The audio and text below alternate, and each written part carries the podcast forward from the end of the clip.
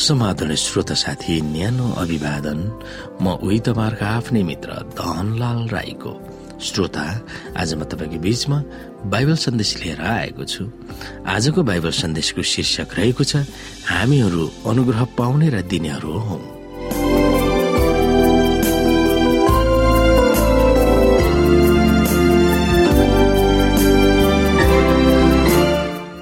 श्रोता जब तपाईँ एफिसी पाँच अध्यायलाई पढ्नुहुन्छ तब अरूहरूसँग हाम्रो सम्बन्ध सुसमाचारले अपेक्षा गरेको अनुसार जिउन पावलको आह्वानलाई तपाईँले कसरी बुझ्नुहुन्छ? उनले दिएका अर्थीहरूमा तपाईँको निम्ति विशेष कुन अर्थपूर्ण छ? आउनु श्रोता हामी यहाँ पाँच अध्यायलाई हेर्न सक्छौ। यसकारण तिमीहरू प्रिय बालकहरू चाहिँ परमेश्वरको देखासिकी गर्नेहरू हौ। तिमीहरू प्रेममा चल जसरी ख्रिस्टले पनि हामीहरूसँग प्रेम गर्नुभयो र परमेश्वरको निम्ति सुगन्धित भेटी र बलिदान भएर आफैलाई हाम्रा निम्ति अर्पण गर्नुभयो। तर तिमीहरूका बीचमा व्याविचार र सारा अशुद्धता अथवा लोभको नाउँ समेत नलियोस् जो सन्तहरूका बीचमा हुन सुहाउँदैन। कुनै अश्लील कुरा मूर्ख बातचित अथवा बेफाइदाको ठट्यौली नगर्नु यी सुहाउने कुरा होइनन्। तर बरु धन्यवाद दिने काम होस् किनकि यो त तिमीहरू निश्चय नै जान कि कुनै व्याविचारी कि अशुद्ध मानिस अथवा लोभी मानिसलाई जो मूर्ति पूजक हो ख्रिस्ट र परमेश्वरको राज्यमा कुनै उत्तेरी रेखा छैन।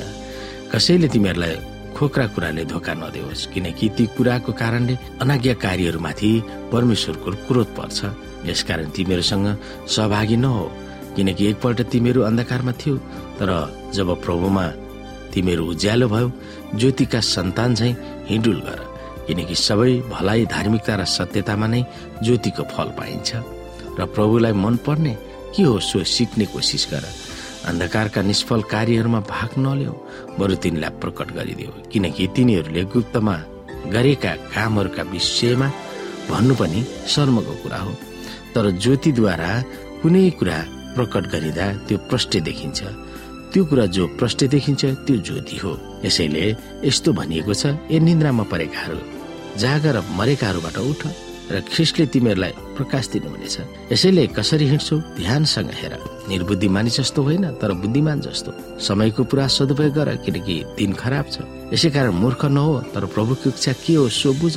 दाख मदले नमातियो कारण त्यो विलासिता हो। तर पवित्र आत्माले भरिपूर्ण हो। एउटा अर्कासँग भजन गीत र आत्मिक ज्ञानमा बोल्दै र आफ्नो सम्पूर्ण हृदयले प्रभुको निम्ति गाउँदै र धुन निकाल्दै सधैँ सबै कुराका निम्ति हाम्रो प्रभु ख्रिसको नाउँमा परमेश्वर पितालाई धन्यवाद चढाऊ ख्रिसको श्रद्धामा एक अर्काको अधीनमा बस। पत्नी हो प्रभुको अधीनमा रहे जस्तै आफ्नो पतिको अधीनमा बस किनकि पति पत्नीको शिर हो। जसरी ख्रिस मण्डलीको शिर हुनुहुन्छ जुन मण्डली उहाँको शरीर हो र उहाँ स्वयं त्यसको मुक्तिदाता हुनुहुन्छ। जसरी मण्डली ख्रिसको अधीनमा छ त्यसरी नै पत्नीहरू पनि हरेक कुरामा पतिहरूका अधीनमा रहन्। पति हो आफ्ना पत्नीहरूलाई प्रेम गर जसरी ख्रिस्टले पनि मण्डलीलाई प्रेम गर्नुभयो र त्यसको निम्ति आफूलाई अर्पण गर्नुभयो। यस हेतुले कि उहाँले त्यसलाई पानीले धोएर वचनद्वारा पवित्र पार्न सकुन् र उहाँले दाग वा चाउरी नभएको अथवा त्यस्ता कुनै कुरा नभएको तेजस्वी मण्डली आफै कहाँ प्रस्तुत गर्न सकुन् त्यो चाहिँ पवित्र र निष्कोट होस्। त्यसरी नै पतिहरूले पनि आफ्ना आफ्ना पत्नीलाई आफ्नै शरीरलाई चाहिँ प्रेम गर्नुपर्छ। आफ्नै पत्नीलाई प्रेम गर्नेले आफूलाई प्रेम गर्छ। किनकि कुनै मानिसले कहिले आफ्नो शरीरलाई घृणा गर्दैन। तर त्यसको कदर गरेर पालन पोषण गर्दछ जसरी ख्रिस्टले पनि आफ्नो मण्डलीको निम्ति गर्नुहुन्छ। किनभने हामी उहाँका शरीरका अङ्गहरू। यसकारण मानिसले आफ्नो आमा बाबुलाई छोडेर आफ्नै पत्नीसँग मिलिरहन्छ र ती दुवै एउटै शरीर हुनेछन्। यो एउटा गम्भीर रहस्य हो अनि यो कुरा म ख्रिस मण्डलीको सम्बन्धमा बोल्दछु। जे भए पनि तिमीहरू हरेकले आफ्नी पत्नीलाई आफैलाई चाहिँ प्रेम गर र पत्नीले पनि आफ्नो पतिको आदर गरोस् भनिएको छ। यदि तपाईँले सिधै एफएसी पाँच अध्याय पढ्न सुरु गर्नुभयो भने तपाईँले महत्वपूर्ण विषय के हो र त्यसको पुरा प्रभावकारितालाई बुझ्न सक्नुहुनेछ। त्यसकारण एफएसी चार अध्यायको बत्तीसदेखि पढ्न सुरु गर्नु पर्दछ त्यसकारण श्रोता हामीले एफएसीको पुस्तक चार अध्यायको बत्तीसदेखि हामी पढ्यौँ भने जसमा पावलले एफिसियरलाई यो आग्रह गरेका थिए। जसरी परमेश्वरले ख्रिस्टमा तिमीहरूलाई क्षमा गर्नुभयो त्यसरी नै एउटाले अर्कालाई क्षमा गरेर तिमीहरू एकअर्काप्रति कोमल मनका दयालु हो भनिएको छ। यसैलाई विश्वास गरेपछि एकअर्कासँग हामीले गर्नुपर्ने व्यवहारको जिम्मेवारीबाट पन्छिनु ठिक हुँदैन। परमेश्वरले हामीलाई कस्तो अनुग्रह देखाउनु भयो र कसरी क्षमा दिनुभयो र त्यसरी नै अनुग्रह देखाएर क्षमा दिएर अरूहरूको निम्ति नमुना हुन हामी पर्दछ। हामीलाई परमेश्वरको अनुसरण गर भनेर यसुले आह्वान गर्नुभएको थियो। परमेश्वरको प्रेमको अनुसरण गर्नुपर्छ भन्ने पावलको भनाई सृष्टिकर्ता परमेश्वर विहीन संस्कार र जीवन शैली अप्नाउनुको विपरीत छ। यदि प्रेमको नाउँमा व्यावचारी जीवन वा काम बसानाको भोग विलासमा बिताउँछन् भने परमेश्वरले तयार गरिरहनु भएको नयाँ पृथ्वीमा तिनीहरूले ठाउँ पाउँदैनन् भनेर पावलले चेतावनी दिन्छन्। लोक वा समाजले मान्यता पाए तापनि धर्मकै नाउँमा किन नहोस् विवाहित जीवन भन्दा कुनै पनि बाहिरका व्यक्तिसँग यौन सम्पर्क वा अनैतिक जीवन बाइबलले अन्धकारको जीवन हो भनेर खुलासा गरिदिएको छ।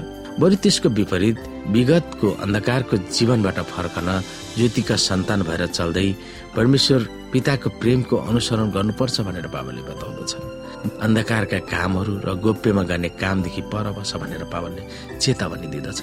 परमेश्वरलाई विश्वास नगर्नेहरूको जीवन भन्दा हामी पारदर्शिक जीवन बिताएर खिसको ज्योतिमा रहनु पर्दछ मग्दपान मतवाली जीवन वा समयले खेर फालेर जीवन बिताउनुको सट्टा समयको पुरा सदुपयोग गरेर प्रत्येक क्षण परमेश्वरको हो भनेर समयको गरिमालाई आदर गरेर जीवन बिताउनु पर्दछ परमेश्वरलाई धन्यवादको भेटी दिएर उहाँको प्रेमप्रति आभारित भएर चिन्तन मनन गरेर पनि समय बिताउनु पर्दछ परमेश्वरको प्रेमको अनुसरण कसरी गर्ने भन्ने विषयलाई पावलले त्यो प्रेम पति र पत्नीमा हुनुपर्ने प्रेमलाई पावलले औल्याउँछन्। यसुले चर्चलाई आफ्नो जीवन दिनु भएर कसरी प्रेमको देखाउनु भएको छ त्यसरी नै इसाई पतिहरूले पनि आफ्ना पत्नीहरूलाई आफ्नो जीवन दिएर प्रेम गर्नुपर्छ भनेर पावलले बताउँदछन्। प्रिय बालकहरू परमेश्वरको अनुसरण गर भनेर पावलले विनम्रताका साथ अनुरोध गर्दछन्। परमेश्वरको अनुग्रहले तपाईँ हामीलाई आज अरूहरूसँगको सम्बन्धमा ईश्वरीय प्रेमको उदाहरण बनेर बाँच्न आह्वान गरिरहेको छ। अन्तिममा श्रोता प्रेममा चल भन्ने एफिसी पाँच अध्यायको दुईमा पावलको अर्थीलाई एफिसी पाँच अध्यायको एकमा बताएको परमेश्वरको अनुसरण गर भन्ने भावनाले कसरी बुझाउँदछ यिनी कुरामा हामी विचार गर्न सक्दछौँ।